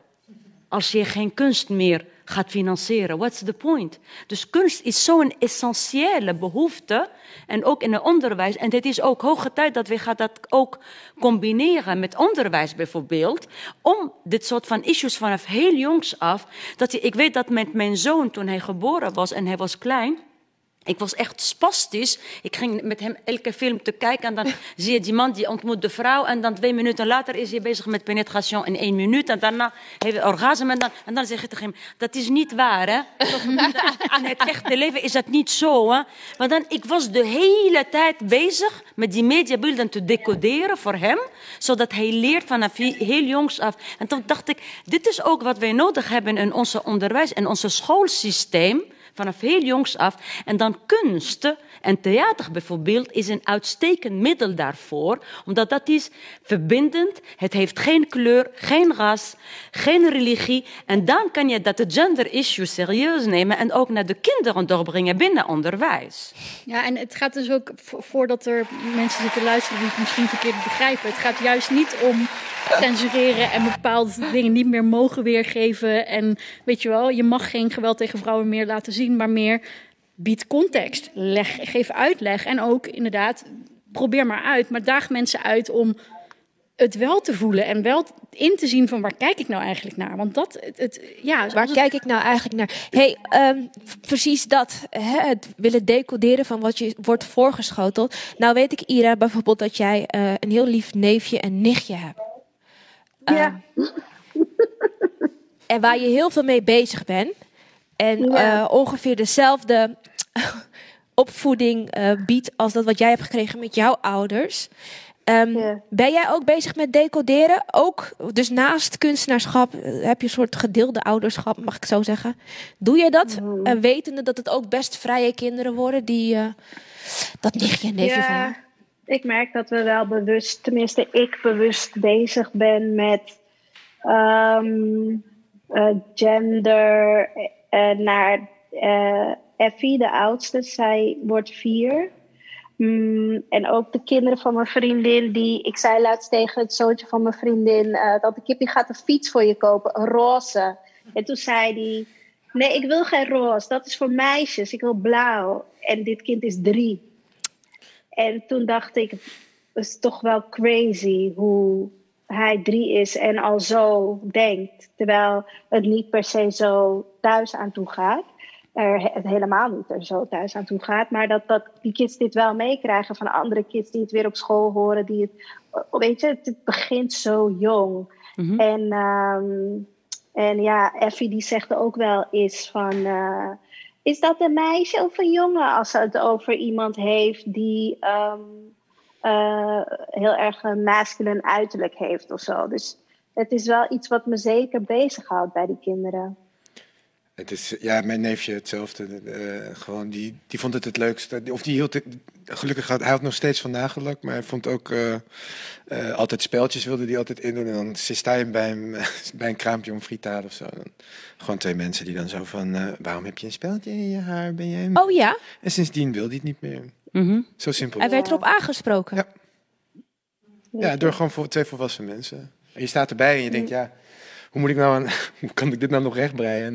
En als het niet hier gebeurt, gebeurt het wel over een Mhm. week daar. Of, Tuurlijk. Ja, dus, Ja, we, we realiseren ons niet de impact op beelden op kinderen. Ik weet, mijn zoon was vier. Ik was bij hem in Weesperplein in de metro. En het was een enorme billboard van, eh, voor eh, lingerie Saaf, denk ik. Met een heel mooie jonge meisje natuurlijk. En dan, eh, en dan hij was net bezig met leren van rekenen. En dan hij zei tegen mij... 7 euro 40, 14 euro 60. Dat was de BH en de onderbroek. Maar hoe, hoeveel kost dat meisje nou? 7 of 14? Oh! Ja, maar, exact. Because we, on, ne réalise pas l'impact. Omdat zo'n kind kijkt, mooi meisje, twee prijzen. Welke prijs is dat nou eigenlijk? En dan denken we, dat is een onschuldige eh, beeld. Maar kinderen, die, die, je krijgt zulke beelden vanaf heel jongs af. En dan, begin, en dan als je dat bekijkt van een ogen van een kind de eerste keer, dan realiseer je ook iets dat het eigenlijk niet normaal is. Omdat ik was nooit stil bij dat. Ik vond dat gewoon normaal. En het gaat maar door. En dan om terug te gaan naar onze geweld, ge- eh, ge- gender-based violence en femicide, et cetera. Dit is ook wat Joy zegt, dat is genormaliseerd, omdat in overal zie je dat. En het moment dat je begint daar gendersensitief ook met de bril naar te kijken, dan begin je ook te zien hoe abnormaal het is. Maar tot dat punt, en daarom is het ook, en dan blijf ik op hameren, genderbeleid, politiek, onderwijs, ministerie van Onderwijs, Cultuur en Wetenschap, wat wordt gedaan op dat niveau voor onderwijs? Ik ben ook zeer benieuwd. Ik denk dat we een paar mailtjes eruit moeten gooien, dat sowieso. Ehm, ik heb toch de behoefte om het weer terug te pakken naar het beeld wat we kunnen scheppen als kunstenaars. Dus ehm, je hebt een aantal repertoirestukken. Ja. Waarin expliciet in de regieaanwijzing staat: man vermoord vrouw. Ehm, heb jij ooit, Stefan, een, een repertoirestuk geregisseerd waarbij je eh, een scène had waarvan. Ja, ik Ja, toch? een minuut te bedenken. eh, dat was eh, al een tijdje terug, maar Wojciech, dat hij aan het einde vermoordt hij, eh, vermoordt hij Marie. En hij is, ja, hij is een slachtoffer op een bepaalde manier, die dan, omdat hij zo wanhopig is, eh, een, besluit dan het enige wat hij kan doen, is dan zijn laatste redmiddel zijn vrouw vermoorden. Ja. Maar in het kader van dit gesprek nu, denk ik dat ik dat toen niet genoeg heb uitgediept. Ik had het vooral geco- gecombineerd aan, aan het feit dat hij, dat hij on- onmachtig was. Dus dat het enige wat hij kon doen, was dan zijn vrouw vermoorden. Dus dat maakte hem vooral wanhopig. En verder stond je er niet bij stil. Nou, niet op deze manier. Nee, het- ik denk, ik denk dat er al heel veel gesproken is en al heel veel gedaan is. Ook onder andere, want dat vond ik ook interessant. eh, volgens mij toen Ira uitkwam met haar theming, of The Shrew gewoon, Ja. heet het toch? Ja. True her. Shrew Her. Mhm. Eh, en toen was er tegelijk volgens mij een taming of the Shrew waarbij de genderrollen werden omgedraaid. Ja, Eh, en dat ik van Nina van Spijker- Nina Spijkers, ja. dat ik me toen heel lang heb afgevraagd als het gaat over representatie van wat is nou waardevoller in zo'n onderzoek. Als je dan eh, een hele gemeenschap van vrouwen of mannen alle vrouwen en mannenrollen laat spelen. Of de rollen omdraait waarbij je een soort parallel krijgt die wel of niet iets bevraagt. Ik, ik heb daar lang, of, of bevraagt dat juist wel wat je wil bevragen. Dat weet ik eigenlijk niet. Ja, wat, wat was jouw ingangspunt, eh, Ira? Dat is echt een hele goede observatie. Want ik heb ook nu naar de voorstelling gezien, die op het einde ook, spoiler alert, eh, eh, wordt ook ehm, de man vermoord. Maar ook door een, vrouw die een man speelt. Dus eh, ik vind dat een hele goede vraag die je stelt. En bij mij was de intentie, ging het echt over representatie. Dus de, ik heb heel bewust gekozen om het te laten gaan over de verschillende genders die er zijn. Eh, en, ehm, en ook eh, eh, eh, vrouwen en mannen. En ik moet zeggen, eh, twee mensen in mijn cast identificeren zich fluide. Um, maar ja, voor ons ging het heel erg over jezelf zijn. Uh, en niet per se over uh, ik ga nu een man spelen of een vrouw spelen of uh, een persoon. Um, het ging echt over Angelique en haar persoonlijk verhaal, Smitta en haar persoonlijk verhaal en Jahara en haar persoonlijk verhaal. En wat we met Shakespeare hebben gedaan in de kostuums is dat we um, de kostuums wel heel erg zijn gaan spelen met het uitvergroten en het verkleinen van genderrollen. Uh, maar in het verhaal zelf, inhoudelijk, ging het echt over deze persoonlijke ervaringen. En bij Nina, dat vond ik ook wel interessant, omdat ik dacht van, ik stelde diezelfde vraag van, wat win je wanneer je de vrouwen nu allemaal mannen laat spelen? Ja. What is, what's the win? En what was the win? Ja, ik weet het niet zo goed. Um, want ja ik, ja, ja, ik weet niet zo goed. Dat kan Mina waarschijnlijk beter. Daar kan zij zelf waarschijnlijk beter antwoord op geven. Maar ik, ik laat het nog even in het midden, omdat zij ook echt een, een hele andere voorstelling heeft gemaakt. Obviously, ze heeft de hoofdpersonage op het einde gewoon vermoord. En dat staat niet in de tekst. Dus dat vond ik wel heel spannend dat ze die keuze had gemaakt. Maar ik vraag me ook wel af waarom zij uh, ja, daarvoor had gekozen. En ook in deze tijd, wat ze daar dan mee wilde zeggen. En heb jij daar misschien een, een eigen antwoord op, Stefan? Um, nou ja, ik, ik zit dus nu te denken, want dat, dat gaat dan heel specifiek over genderrollen. En dat vind ik lastig om dat helemaal in één keer op te lossen. Ik weet nu toevallig, ik had, dat heb ik dan niet zelf gedaan, maar een lang gesprek met iemand van ITA bij wie ze bij Romeo en Julia de cast zelf hebben laten kiezen wie ze speelden voor Romeo en Julia. Ja. Uh, dus daar ben ik heel benieuwd naar. Uh, maar ik, wat ik dan merkte met het laten, of het laten breken van een vrouw op het podium, werd ik me ineens bewust van soort van mijn positie als wat ik neerzet en wat dat dus representeert. Ja. En nu zit ik me ineens heel erg af te vragen dat het een super interessant onderzoek zou zijn om puur dat, dat geweld tegen vrouwelijk en de normalisering daarvan puur als centrale vraag voor een voorstelling te doen waarin dat mm-hmm. op een bepaalde manier, misschien wel in de geschiedenis, uh, werd als het gaat over repertoire, van hoe, hoe dat eigenlijk normaal was. Of ja. Uh, Want ik ben toch wel benieuwd. Oh, sorry, ga door. Nee, dat ik me zit af te vragen. Van, volgens mij zou het super interessant zijn. Ook alleen omdat ik op het moment dat het gaat over feminicide. Ten eerste is het denk ik heel goed dat dat woord gewoon dan nu bestaat. Zeg maar. Als in dat dat, dat, dat, dat, dat dat gewoon gebruikt wordt. dat lijkt me een, het... een goede eerste stap. Ja. Dus ik ga het vanaf nu gewoon gebruiken. Heel goed. Um, dat, dat, dat het is interessant zou zijn om feminicide dan. Femicide. Uh, als, als een onderzoekspunt maken. Fe, femicide. Sorry. Femicide, ja. Femicide. Nee, als onderzoekspunt. Als ja, lijkt me ook heel interessant. Omdat ik, ja, ik zat al meteen aan Irreversibele te denken, uh, waar een verkrachtingsscène van 10 minuten in zit. Hm. Ik zit ook gewoon aan heel veel dingen die ik in kerken heb gezien te denken. Mhm. Mm uh, ja, ik weet niet. Ik, Othello. Othello, Wojciech, maar gewoon ook gewoon puur. Um, ik zit me nu gewoon heel erg af te vragen in hoeverre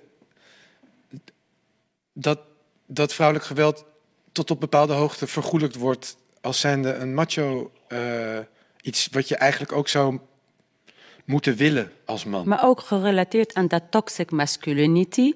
En hier, uh, het is niet ook, het is, we moeten ook oppassen dat de man wordt niet de dader en de slechterik, omdat de man is ook een Ja. slachtoffer van een bepaalde opvoeding. Dat toxic masculinity is een symptoom van iets die een oorzaak is. En de oorzaak is dat patriarchale cultuur die maakt dat mannen gaan zich op zo'n manier gedragen, dat stereotype vrouwen op zo'n manier. Ja. En dat toxic masculinity wordt ook gecreëerd en gecultiveerd bij jongens ook. Ja. Dus er is ook een, een, een, een probleem. En ik denk het is ook een appel aan ons allemaal binnen dat gender studies en een emancipatieverhaal, dat wij ook eh, aandacht gaan ook besteden aan mannelijkheid of mannelijkheden en toxic masculinity, gezonde masculinity, wat dat betekent. En niet meer als een verlengstuk van de vrouwelijke studies, maar ook dat het een soevereine ook studie wordt, masculinisme of masculinities. Wat betekent dat masculin of man zijn anno 2020? En hoe verhoudt zich dat zich dat mannelijkheid in een transgender of in een LHBTI of in heteroseksueel of in een homoseksueel? Wat is dat nou, dat mannelijkheid? Wat is een toxic mannelijkheid en wat is een gezonde mannelijkheid? Dat hebben ook de mannen een referentiekader. Because now they are in no man or no woman's land. They are lost. Ik had, ja, Die enige zegt maar dat vingertje naar die mannen toe. En dan zeg ik altijd, er zijn drie vingertjes die naar jezelf wijzen. Wat doen we eigenlijk, als we praten over femicidebestrijding, voor de mannen, voor de jongens? Wat doen we eigenlijk? Nauwelijks. Maar er is ook zoveel weerstand tegen. Een paar jaar terug, voor MeToo, had je in Nederland Zeg Het. eh, waarbij eh, nou ja, vrouwen hun, hun ervaringen met seksueel geweld deelden. Van dit is mij overkomen en ik zeg het. Ehm, en eh, ja, daar, daar was ook een, een oproep aan verbonden om te zeggen van elke keer als het gaat om, om seksueel geweld, eh, dan eh, gaan weer stemmen op van leer meisjes zelfverdediging. praat met vrouwen over hoe ze, zich, hoe ze duidelijk nee moeten zeggen. Hoe ze zich moeten kleden. Ja, nou, en, en er waren ook natuurlijk heel veel mensen die, die, die ervaringen hadden. Ik zelf ook. Van, ja, ik wil helemaal niet...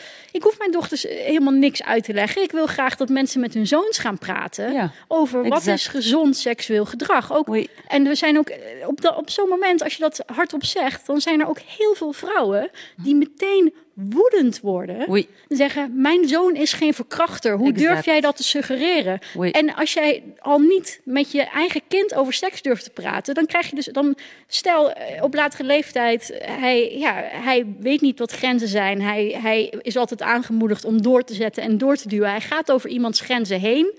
En dan is de reflex van zo, dan is het heel makkelijk voor zo'n moeder om te zeggen van ja, dat zal ze vast, weet je wel. Ja. Dan, daar, daar, je houdt zo'n heel giftig systeem van Exact. victim blaming zelf in stand. Je moet met elkaar Ja. praten. Er, zijn, er bestaat een grijs gebied, er bestaan meerdere interpretaties. Er zijn allemaal, maar je moet het wel oud en nieuw En mijn oma in Tunesië zei altijd, zelfs als jouw kind dat niet doet, jouw kind moet weten hoe dat werkt, zodat hij andere jongen ook kan corrigeren. Omdat het is een collectieve verantwoordelijkheid. Omdat in Tunesië zie je ook vaak vanwege dat segregation seksueel tussen vrouwen en mannen, hoe ook vrouwen dat in stand houden, ook dat toxic masculinity. En het, misschien jouw, jouw zoon is geweldig, maar jouw zoon moet het is een collectieve verantwoordelijkheid. En die enigen die, doen- die kunnen dat ook stoppen en helpen zijn de mannen zelf. En daarom is het ook belangrijk dat wij in dat genderspectrum en emancipatie, et cetera, dat wij men- kunnen de mannen betrekken. En wat ik eerlijk gezegd mis in westerse feminisme, en in het bijzonder in Nederland, dat het is niet vanaf het begin een samenwerking, een BW met de mannen ook. Maken mannen partners. En maak mannen ook een deel van het probleem, maar ook van de oplossing. Ik mis dat ook samenwerking met de man in dit problematiek. En er is ook veel, veel te halen nog. in het herdefiniëren van mannelijkheid. Want daar zijn we niet zo ver in ook, zeg maar. Dus, In Tunesië, als wij in Dus, eh, feministische bijeenkomsten gaan, eh, moeten we altijd, elke vrouw moet altijd één of twee mannen meenemen. Soms zeggen we het zelfs tegen hen: Kom, er zijn heel veel mooie, leuke vrouwen daar, kom maar. dus ze komen echt voor de vrouwen. Maar omdat, omdat we, we, we gaan hun uitlokken, omdat we willen dat zij met A aan tafel, zodat zij dat horen. Omdat zij worden onze beste ambassadeur. Wij noemen hen in het Arabisch al-junoud, onze soldaten. Die gaan ook in de veld met andere mannen praten. En ik merk ook misschien dat Nederlandse feminisme is ook dat soort van arrogantie van soms vrouwen. Ik kan het zelf oplossen, we kunnen zelf aan. En die man die moet zich gedragen en die lessen en die dit en dat vingertje. En dan denk ik, maak een man ook jouw partner ook in het oplossen van het probleem. Dus laat aan de man ook zien wat betekent toxic masculinity. Wat is gezonde masculinity. Maak hem ook jou, jou, jou- samen met jou gaat hij dat probleem oplossen ook. Maak hem de partner. Ira, jij wilde nog wat zeggen? Nou ja, ik zei dus eigenlijk hebben we mannen-emancipatie nodig, maar toen dacht ik eigenlijk hebben we een gender-emancipatie nodig. It needs to be, we need to be emancipated all, all across the board eigenlijk. Ja, en ik wilde toch nog even teruggaan naar waar de kern nou zit. Want je had het over educatie en eh, jij hebt het ook over leren onze kinderen vroeg. En waarschijnlijk had jij, Stefan, het ook wel gewenst als, je, als het jou vroeg werd verteld over wat mannelijkheid nou inhoudt. Zeker ik heb, ja, ik heb Ligt, Heb jij op school, en misschien eh, vraag ik dit ook als. ehm, heb je het ook op de academie gemist, dit topic? Dat het gaat eigenlijk dat je als regisseur geleerd wordt hoe ga je met bepaalde topics om? Hoe ga je met gender om? Hoe gevoelig moet je daarvoor zijn? Welke keuzes maak je daaruit? Wat Ik denk representeer je dan? troost in ieder geval is zeg maar, dat, dat ik merk dat er op de academies wel wat is veranderd. Vooral in de groep mensen tussen 18 en 25. Ik bedoel, iedereen zit altijd af te geven op millennials. Of, het is volgens mij inmiddels iets anders. Of, maar wat ik heel... van- Vanwege de telefoons en de social media en al die dingen. Maar als het gaat over gender zijn, zijn merk ik dat er veel, veel meer bewustzijn is eh, op alle fronten. En ook veel meer vrijheid. En Oui. ook veel betere taal die gehanteerd Oui, wordt. Maar als ik kijk naar mijn eigen opvoeding in de jaren negentig, dus de hoogtijdagen van Generation X, is dat? Oui. Dus de, de, de, de American Psycho-periode, Ja. om een idee te geven. Eh, waar mannen bijvoorbeeld een hele ambivalente houding hebben tegenover dat boek. Dus veel mannelijke acteurs willen die rol spelen. En dan denk je, maar waarom wil je dat dan spelen? Het is bijna geen film die gewelddadiger is dan dat. En het bekritiseert het, maar het verheerlijkt het tegelijkertijd. En daar, eh, dat is de tijd waarin ik in werd opgegroeid. En toen werd er niet heel veel vraag bij gesteld. Nee. Toen niet de vraag over of, of eh, hoe heet die, Patrick Bateman. Als het gaat over dat boek, gaat het vooral over het kapitalisme en het consumentisme. Maar het gaat over hoe, hoe dat geweld wordt geportretteerd, realiseer ik me nu bijna nooit.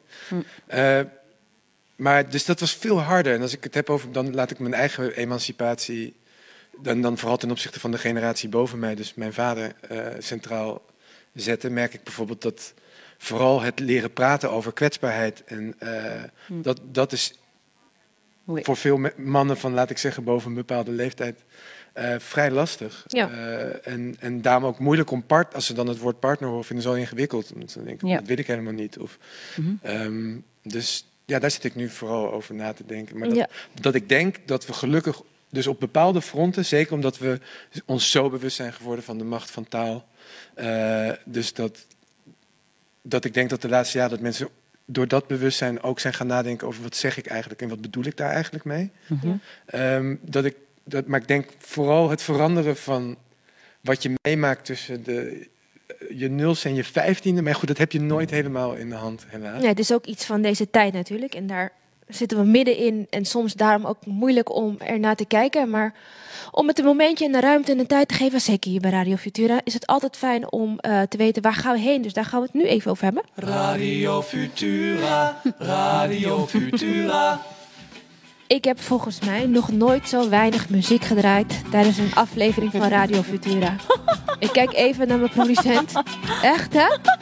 Ik ben normaal van de nummers, van de tracks af en toe. Lekker toch? Van de lucht. En ik, en ik snakte niet naar lucht per se, maar naar meer vuur. En eigenlijk het liefst toch oplossingen. Dus dit is het rondje. Waar gaan we naartoe eigenlijk? Waar willen we naartoe? Naar welke wereld willen we naartoe? En wij hebben al één instrument nu, in dit moment. Op dit moment hebben we kunst als instrument. Dus hoe gaan we dit aanpakken? Waar moeten we beginnen? Het is een hele grote vraag, maar ik wil het toch gewoon even stellen. Als we de wereld een stukje mooier mochten maken. Als we willen dat eh, geweld op vrouwen, of van vrouwen naar vrouwen, of man op vrouwen, maakt niet uit.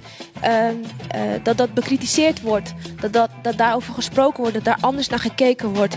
Dat we niet constant hoeven te decoderen voor onze kinderen. En dat we de regisseurs van nu eh, laten nadenken over wat ze uitzenden. Waar moeten we dan beginnen? En ik wil naar Joyce kijken. maar heb jij een, ingang?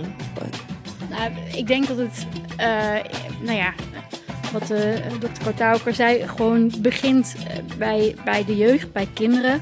Uh, dit is helemaal niet wetenschappelijk, maar in mijn leven heb ik heel erg de ervaring dat uh, mannen die zussen hebben, mannen die vrouwelijke vriendinnen hebben, platonische vrouwelijke vriendinnen, mm -hmm. mannen die vrouwen als mensen zien, mm -hmm. op zo'n andere manier in het leven staan en zoveel beter, uh, zoveel meer gereedschap hebben om over dit soort dingen te praten, om, om naar zichzelf en hun eigen gedrag te kijken. Mm. Um, ik denk dat, dat als we veel jonger al, want we zijn, we zijn eigenlijk heel lang een beetje de verkeerde kant weer opgegaan, weet je wel, met de roze speelgoedgangen en de blauwe, dit en dit is voor jongens en dit is voor meisjes. En terwijl ik kan me dat uit mijn jeugd uh, niet zo herinneren. Lego was gewoon Lego en dat was voor iedereen.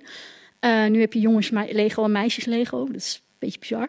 Maar ehm, juist dat spelenderwijs, eh, zeker omdat eh, die, die, die definities van gender worden steeds breder. Er zijn heel veel, er zijn tegenwoordig ook kinderen die gewoon helemaal niet zo eh, hoeven kiezen tussen het een of het ander. En, en kinderen zijn echt sponsjes. En alles wat je erin stopt, als, dat, als alles is goed en alles mag, als je maar jezelf bent en met respect voor elkaar, als dat de input is, dan zuigen die kinderen dat op en nemen ze dat mee. Dus ik, ik denk ja, dat, dat hoe, hoe meer wij zeg maar onze kwade instincten kunnen beteugelen en te zorgen dat wat, wat er in die kinderen gaat, dat dat klopt en zuiver is, dat, dat daar... eh, Daar zit het begin. Ja. Ira, als kunstenaar, als lieve tante, als vriendin van, eh, of stiefmoeder van, waar moeten we beginnen?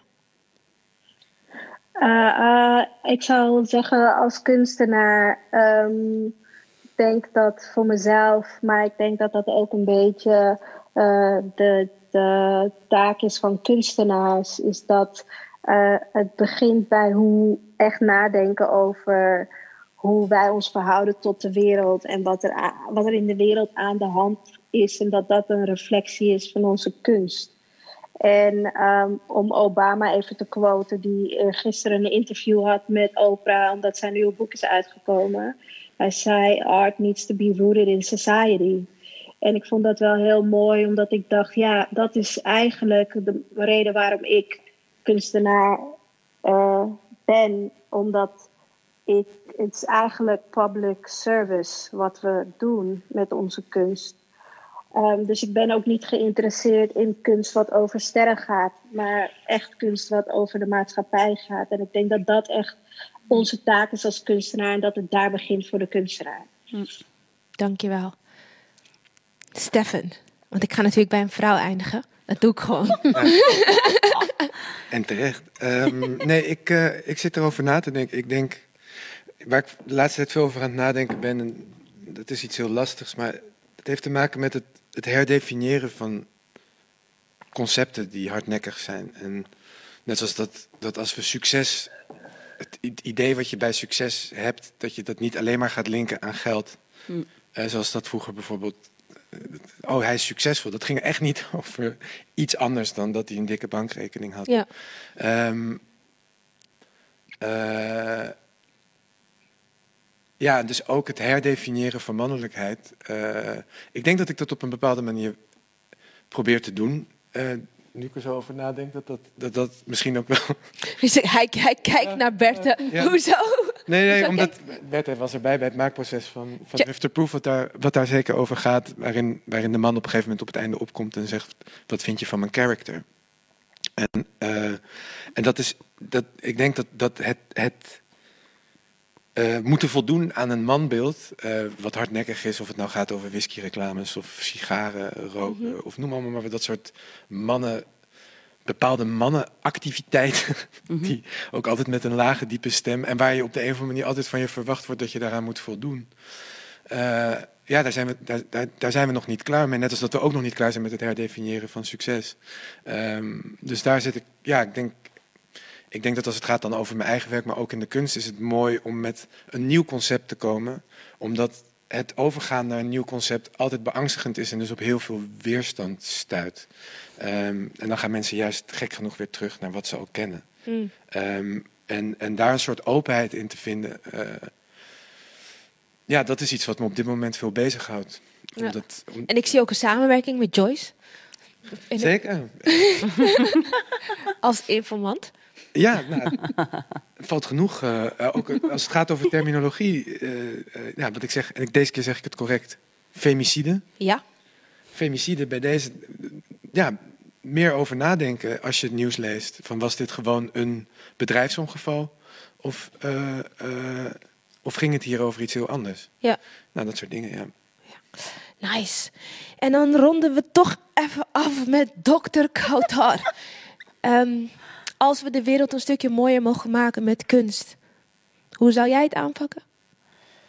Ehm, ik denk voor de toekomst, en dat is ook het, verle- het we hebben bij Atria een heel mooie motto, eh, en dat is sharing the past, debating the present, creating the future. Dus om dat gaat te ankeren in de geschiedenis, hoe dat gegaan is. En waar zitten we nu en waar willen we naartoe? En ik denk dat gendergelijkheid, en eigenlijk in Tunesië hebben we, vind ik, nog een mooiere woord, uh, gelijkwaardigheid. Omdat gelijkwaardigheid heeft dat gelijkheid. En dat waardigheid is de schoonheid van verschil ook. Dat wij mogen ook anders zijn. Iedereen mag anders zijn. En dat gender is ook zo een grote spectrum van verschil ook. En dat wij dat omarmen en dat wij dat gaan adresseren als uh, iets die uh, heel essentieel is voor een maatschappelijk uh, harmonie, maar ook voor geluk van de mens. En daar speelt kunst een essentiële rol, omdat wat Ida zegt, dat maatschappelijke functie ook van kunsten, om gewoon de mens gelukkiger te maken. En dat begint, wat Joyce ook zei, met kinderen. En ik denk kunst is uitstekend om die awareness te creëren bij kinderen, zodat wij ook uh, uh, zodat we kunnen ook dat toekomst creëren dat we willen creëren. En niet alleen maar altijd achter de feiten gewoon lopen. Radio Futura, Radio Futura. En toen was het half negen. Bizar.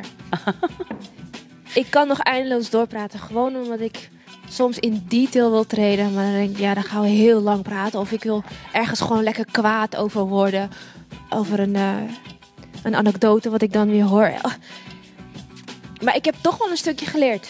Uh, dus dank jullie wel. Dat sowieso. Ik deed het niet voor mezelf. Ik hoop dat velen hebben meegeluisterd. En zo niet, dan spoor ik mensen aan om dit uh, te beluisteren. Ik hoop jullie ook. Ik wil jullie bedanken. En ik doe dat eerst bij Ira. Ira, dankjewel. Yes, ja, jij ook bedankt. You did great. Ah, dankjewel. Coming from you, that's a lot. You know that, right?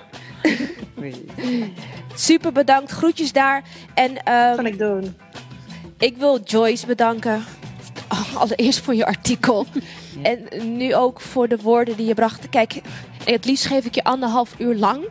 Maar anders moeten we gewoon een keer terugkomen. En dan doen we het gewoon lekker nog een keer. En dan gaan we net dieper erop in. En dan brengen we Stefan weer mee. Want die wil weer leren over een paar terminologieën. Uh, maar dat komt al helemaal goed. Dus dankjewel voor je aanwezigheid. En uh, ik hoop meer van je te, le te lezen. En te leren natuurlijk. Zeker. Ik ga natuurlijk hè, weer eindigen met een uh, vrouw. Stefan, leuk dat ik je weer mocht zien. En dat we nu op een andere ja, op een ander vlak toch konden viben, toch? Normaal was het gewoon door de gangen van de AHK. En dan ben je beide student en dan ben je nog lerende. En ik vind het fijn om te horen waar je nu bent en waar je je mee bezighoudt. En ja, ik denk dat je een van de weinige mannelijke regisseurs bent die hier bewust van is. Zo spread the word, zou ik zeggen, toch? Is toch ook een beetje je bijdrage leveren aan deze wereld, toch? Zeker, ik doe mijn best. Absoluut. Dr. Kautar, dankjewel. Merci à toi. En wij hopen ook bij Atria onze ook, uh, ambitie en, en droom is om meer jonge mensen ook. En we willen graag meer samenwerken met kunstenaars oh ja. als wetenschappelijk kennisinstituut.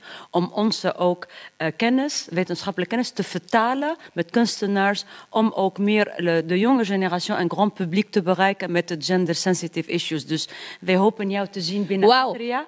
We zitten bij ik kom graag. Amsterdam, Wijzerstraat nummer 20. Dus kom bij ons, alle kunstenaars. Kom ons helpen met genderstukken. We willen graag met jullie samenwerken. Ja, dit vinden awesome. we goed nieuws. Ja. Toch, Ira? Awesome. That's super awesome.